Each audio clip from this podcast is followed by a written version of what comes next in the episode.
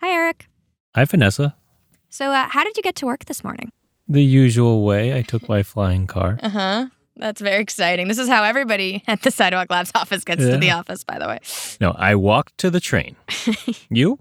Well, I usually do the same thing, but this morning I was checking on Twitter and I saw there were delays on my train. So I decided to try something new, something I'd seen popping up in my neighborhood. Ah, there's a Revel on my street, on my block. What is a revel? So a Revel is a moped. So it's kind of like a Vespa, uh, maybe a little bit bigger, and they're dockless. So you download an app and you can see where they are in the city. Ooh, things are happening. So after I paid and uploaded my license, I put on my helmet and I thought I was ready to ride to work. But when I opened up the map portion of the app, I realized that you can only revel in designated zones. And those zones are Brooklyn and Queens, but not Manhattan. Ah, okay. So you, you can't ride your revel to work. No, you cannot revel into Manhattan yet, anyway. Um, the city's kind of taking a more cautious approach to rolling them out, and I can kind of see why. Okay, green button ready. Yes, here we go. Ah! Where's the brake? I'm gonna, I'm gonna hit a car. I'm gonna hit a car. Not gonna. Ah! Oh my god! Oh my god! Oh my god! I fell. What, what have I told you about technology? I know it was, and it was heavier than I thought it would be, and I fell, and you, I. you didn't hit that car. I didn't hit the car. okay, you didn't hurt yourself. I didn't hurt myself. I did survive, and I successfully did ride the moped. Ooh, got a little breeze happening. This is nice. Eight miles an hour to the ferry. ah, okay. So you can definitely ferry into Manhattan. Yeah, but the one downside is that it is not officially part of the MTA, which means I cannot use my Metro card. So you need a whole other app. All right. Well, uh, but unless kind of the ferry operates differently from how I remember, you kind of have to stop once you get to land. Yeah, Right? yeah, yeah. So how did you come the rest of the way? Right. So as soon as I got off the ferry, I actually saw a Citi Bike station. But again, that's a whole other payment system. Right. You got to pay yet again. Yet again. Says MasterCard. Okay, I think I can only use a MasterCard. Okay. Wait, is my only option a day pass? I just want one ride. So, yes, I had to download another app. And then when I finally did pay for the bike and unlock it, it's not like it was easy after that either because there's potholes in the bike lanes, there are fire trucks in the bike lanes, delivery trucks. And at one point, I swear it was like a movie, I saw a cart rolling out of a truck and into the bike hmm. lane just as I was oh about to pass. So, I mean, I guess it's just the infrastructure isn't really holding up to everyone in this space right now. Right. And bike share is not even new. So Right. this is not even something that popped up overnight. The city has planned this for years and years and is still struggling to create the space for cyclists along the street. And, and frankly, let's let's give credit. New York's one of the best at Right. this. So this Right. is a tough problem. And it's only going to get tougher with all of these new modes coming in the future. But imagine a city that was set up for you to take any mode at any time. And instead of it being difficult and siloed and inconvenient, it would be seamless, integrated, maybe even fun. Welcome to City of the Future, a podcast from Sidewalk Labs. Each episode, we explore ideas and innovations that could transform cities. I'm Vanessa Quirk. And I'm Eric Jaffe. And in this episode, we're going to explore an idea that would make it way easier to get around cities without owning a car. Mobility on demand. Mopeds, scooters, e bikes, hoverboards. There's a term people are using for all these new modes that have been popping up on city streets micromobility. The essential quality of micromobility, as I defined it, is anything that's not a car. In fact, my definition of micromobility goes all the way to 500 kilograms in weight, mm-hmm. which is not because I think that that's a good weight, but rather because I think no car can be made less than that. That's Horace Dediu. He's an analyst from Finland who's currently writing the book on micromobility. And the reason that Horace defines micromobility in this way, in contrast to cars, is that the car is not the most efficient mode for most of the trips that we make. The most common trips are short trips. In fact, overwhelmingly so. In the US, the most common trips are less than five miles. The whole premise of micromobility is saying, hey, a vehicle that weighs a fraction of your own personal weight should be enough to move you around for most of the trips you need to make. It's like getting a pickup truck and using it once a year to take the Christmas tree home. You're carrying all the capacity the rest of the year, throwing away so much energy and CO2 in order to have that optionality. There's another way that these micromobility vehicles are different from cars. Cars take years of development to get in front of consumers, which means they always lag behind the times. We still have CD players in cars, we still mm. have cassette players in cars, and we'll probably have whatever Bluetooth exists today, you know, it will be obsolete 20 years from now and we'll still have it in cars. But a micromobility vehicle can be iterated on, improved, and put to market in a matter of weeks, kind of like a phone. And Horace realized this after his first encounter with an e bike. When I looked at it, I said, This is a smartphone on wheels. Horace actually worked in the phone business for years, and he thinks that micromobility vehicles like phones will one day be ubiquitous. Now, arguments I was having with people early on when I was saying everybody's going to have a smartphone, people said there's no way that there will ever be sufficient bandwidth for a billion people to use smartphones. And here we are with three plus billion people using smartphones on 3G plus networks. It starts with the device, by the way. We didn't build airports and then had airplanes show up. In fact, there were decades of airplanes before an airport was able to be set up. It's always been the other way around. Horace's point here is that the technology comes first, the infrastructure comes second. It's why all of these scooters, for example, have been so controversial in so many cities. They've popped up before scooter parking spots or scooter friendly streets have been developed. But it also means that cities are at a moment where they have to try and prepare for all these new mobility options. And not just the physical infrastructure, but the digital infrastructure that can help coordinate them all. Coordination is key. Otherwise, we'll just be adding even more complexity to our already congested and chaotic streets. If we continue as we are, putting more and more vehicles on the road, nobody's going to be able to move through a city. That's Bibiana McHugh. She's a manager of mobility and location based services at TriMet, the public transportation provider in Portland, Oregon. We provide bus, light rail, streetcar, tram, commuter rail. Bibiana and her colleagues at TriMet helped develop a key piece of digital infrastructure, one that you may not know about, but that transformed the way we get around cities. The story starts in 2005, back when getting around a city via public transit required a map, maybe a set of timetables, and a lot of patience. It was very difficult to go into a city that you knew nothing about and find out how to get from point A to point B. So I reached out to several mapping companies such as Google Transit, MapQuest, uh, I believe Yahoo. So you just emailed all of these companies? Back then, it was actually fax. Oh my gosh. Believe it or not. I actually have the original fax oh, wow. that I sent.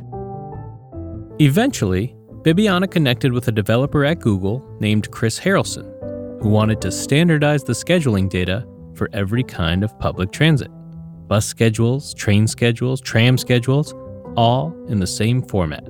And as luck would have it, Portland was perfectly positioned to make it happen first. There are a lot of transit systems that are siloed or proprietary. TriMet took a different approach we have a centralized database where all of our data is housed.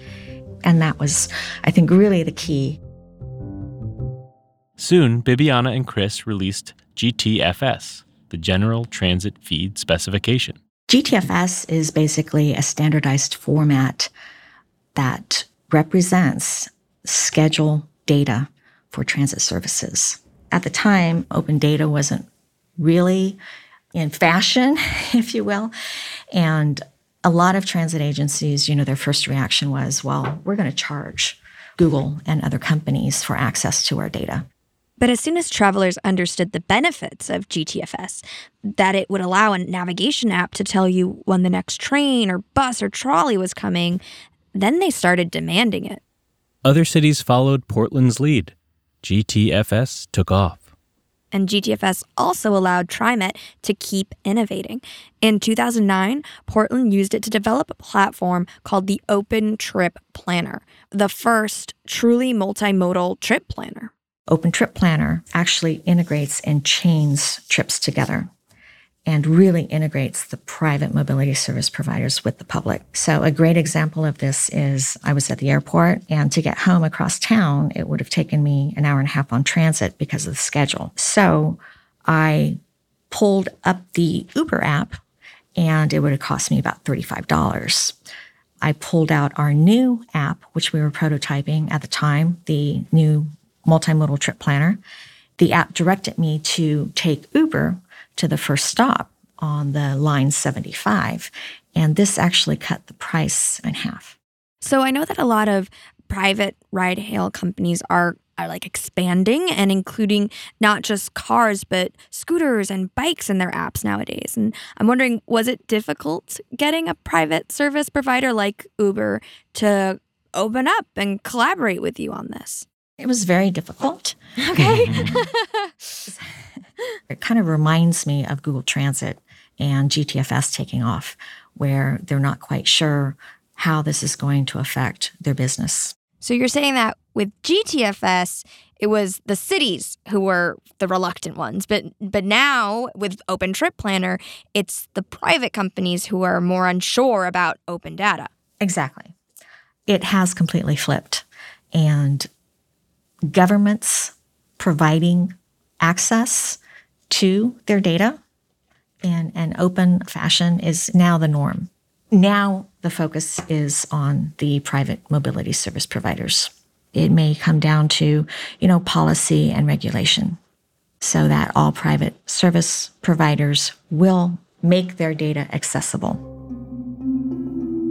Without those providers, you can't have a truly seamless multimodal experience one where you can link trips and use one simple payment system. Right, and it's not just about public and private mobility providers sharing their data. They also need to have open transaction systems too. The vision for everyone down the road is to click once and have all of your trips booked and scheduled and awaiting for you. Portland is helping us move towards that vision. Together with cities like LA and DC, they're leading the movement for open mobility data here in the US. And some countries are even further along. My name is Sampo Hietanen. Do not try to pronounce it. It's a, it's a Finnish name. Another Finn? Not only another Finnish person, a Finn who pioneered yet another mobility concept. This time it's mobility as a service, or MaaS for short. MaaS. My understanding is you actually coined the term mobility as a service, or, or at least popularized it. I'm wondering how you define it. Popularized it, yes. How do I define it? If you want the simple version of it, for the people, for the users, it's a promise of anywhere, anytime on a whim. Whim is also the name of an app that Sampo's company developed in 2016, using, in fact, the OpenTrip Planner platform that Bibiana talked about. And interestingly, in 2017, the Finnish government actually passed a law requiring all transportation service providers to develop open interfaces. Mm, okay, so that means that Whim probably benefited from kind of new access to all that open data. Yeah, which means that anyone in Helsinki can sign up for Whim, open the app, and use any modes they want, public or private, in any combination. We combine all of them into a really, really simple user interface with one payment, you can just write them all. You don't need to jump from one app to another. Whim's subscription package is kind of like Netflix for mobility. For a monthly fee, you can ride any of the services in your package. In a way, we open a golden key to your city and to your needs. So, can you give me an example of how Whim works in Helsinki? Sure. Say you want to go from your hotel to a karaoke bar on the other side of town. Okay, you know me well. This is a likely scenario. All right.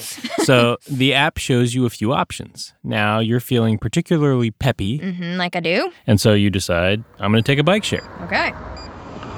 Then you're halfway there, and maybe it starts to rain, and the bike share doesn't look like such a great decision. Mm-hmm. Or maybe I feel less peppy all of a sudden. You're less peppy. You dock up the bike, and then you switch to a train. Now, mind you, the app has paid for all of this. You don't have to worry about downloading a new app. You don't have to use any new fare payments into the kiosks. You just keep going on your journey. Mm-hmm. That sounds much much more pleasant than my previous experiences. Okay, so right, you can focus on your karaoke. exactly, the, the right song. It's very important. Okay, so what about the car shares though is that included because at the end of the night i'm definitely going to want to take a car home that's right yeah the, the app works with taxis and other ride services too Okay, so this all sounds incredibly convenient, but I'm not sure your average American would want to bother with this when you can just drive. I mean, this isn't Europe. Well, Sampo told me he gets exactly this kind of skepticism a lot. I've given over 2,000 speeches about this everywhere in the world. And one of those mysticism is that, yeah, maybe, you know, you guys in Finland, you're so forward thinking and all of this. And then they say, well, we here in US, we here in Switzerland, we in Sweden, we here and there and there, we just love to own our cars, don't we? We just love to do that. It's actually not true all we actually do desire is convenience and service level. Sampo's found that mobility as a service offers so much convenience that it appeals to all kinds of people, wherever you're from or however old you are. There was this one journalist who called me from the biggest local newspaper for something completely different. And then at the end of the interview, he said, You know, I'm a 50 plus guy and I've always been a big car enthusiast. And now me and my wife took up whim and me being a bit uh, shocked, I said, Well, why on earth now? And he said it nicely Look, before it's been too much hassle that I have to worry about these different modes, and there's never been anyone who's on my side. They just tried to sell their part of the whole story. And now that you guys have it here, it felt convenient enough, so we gave up the car. Mm-hmm. The whole idea of what T Ford brought to people is freedom. And unless we provide similar or more freedom, there's no way we can disrupt the whole mobility. We really have to up our game to be as good as owning a car. So I can definitely see that Sampo's offering a really compelling alternative to car ownership here. But achieving the type of freedom he's talking about, it isn't just about convenience. It's about cost and knowing that what you're paying is definitely less than owning a car one of the allures of thinking about mobility as a service is taking away the mental burden of worrying about cost. That's Karina Lee, Associate Director for New Mobility at Sidewalk Labs.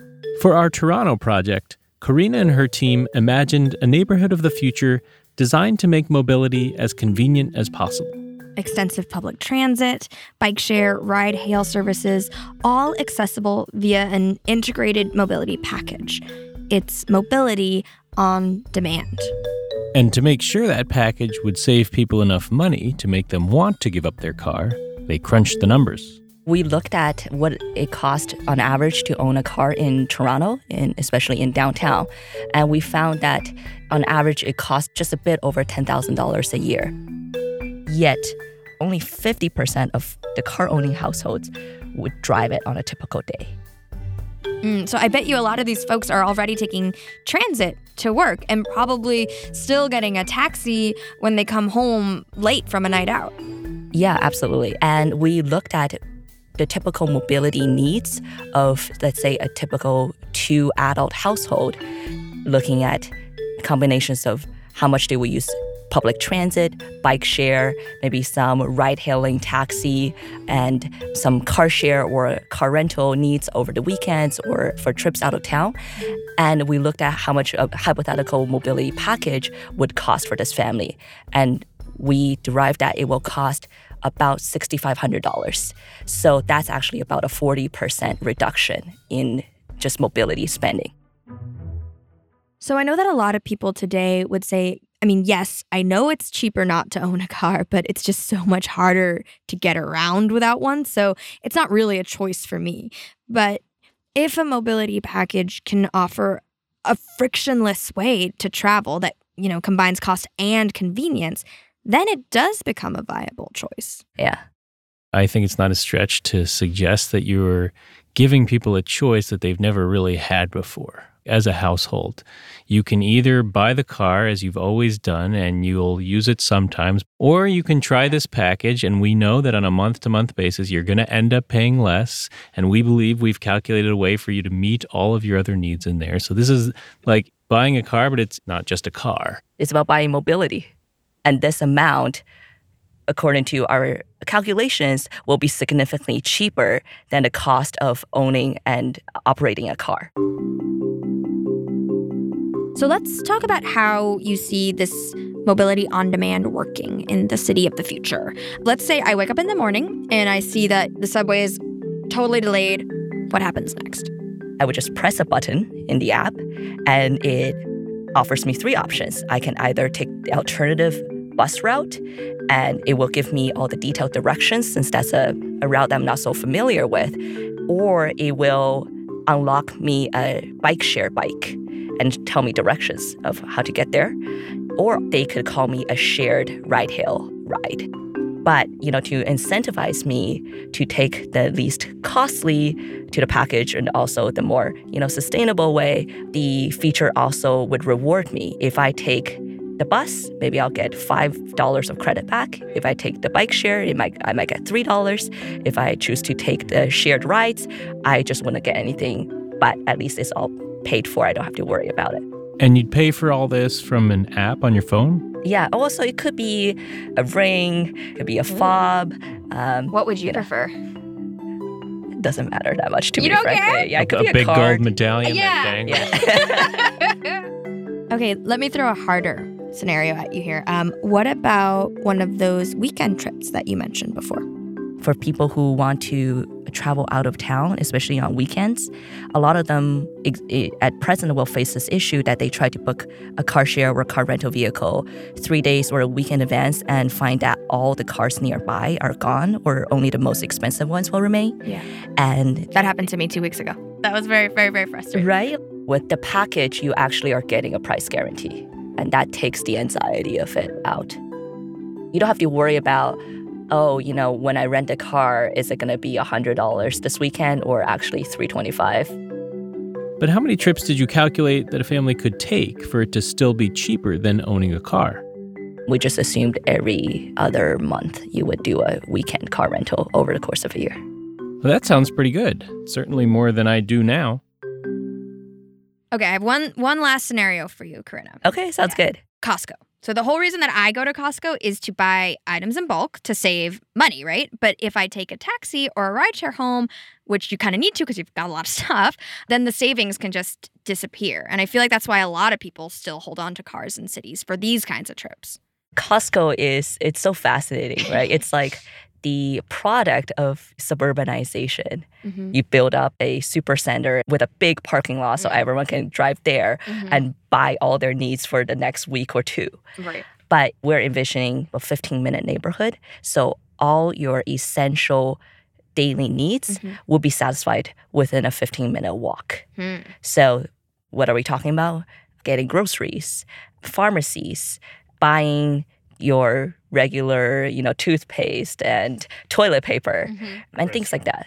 Mm. So since this is such a compact neighborhood, I wouldn't need a taxi. I could take something like like maybe a cargo bike. Yeah, I think cargo bikes would definitely be an option. One thing I'm very excited about is can we have some sort of a school pickup and drop off service that actually uses bikes and mm. the bike lanes that we have. That's essentially like a, like a cargo bike for kids. Mm. Uh, you can fit multiple of them in, and you could just take them to school and back. Mm-hmm. I call this magic school bike. So, in the city of the future, all these modes would work together the trains, the boats, the buses, the mopeds, even the magic school bikes. What about my flying car? Eventually. Since all the data would be standardized and payment systems would be integrated, multimodal trips would be frictionless. And it's not just the digital infrastructure, of course. The city itself would be designed to make these kinds of trips easier. In the neighborhood of the future, transit would be the backbone. Businesses and shops and schools and other services would be near homes, so you could walk or bike to them if you wanted. So, all those trips that used to require cars, they wouldn't anymore. And since you don't need as many cars, you don't need as many parking spots. And that means you can have much more space for parks or plazas or whatever the community wants. That would also just re- make a really vibrant urban environment as well, right? Because at the end of the day, it's not just about mobility, but it's really about what is the type of place and the feel of the place and the quality of life that you want to have. Thank you for listening to City of the Future, a podcast from Sidewalk Labs. Your hosts are Vanessa Quirk and me, Eric Jaffe. We are produced by Benjamin Walker and Andrew Calloway. Mixed by Zach McNeese. Special thanks to all who made this episode possible Horace Dediu, Bibiana McHugh, Sampo Hietanen, and I'm sorry about the pronunciation there, Sampo, Karina Lee, and Willa Ng. Our art is by the great Tim Cow. Our music is composed by Adam James Levine Arity. If you want to hear more of Adam's work, you can check out his band, Lost Amsterdam, at amsterdamlost.com. To learn more about Sidewalk Labs, visit our website at sidewalklabs.com, where you can subscribe to our newsletter at the bottom of the page. See you in the future.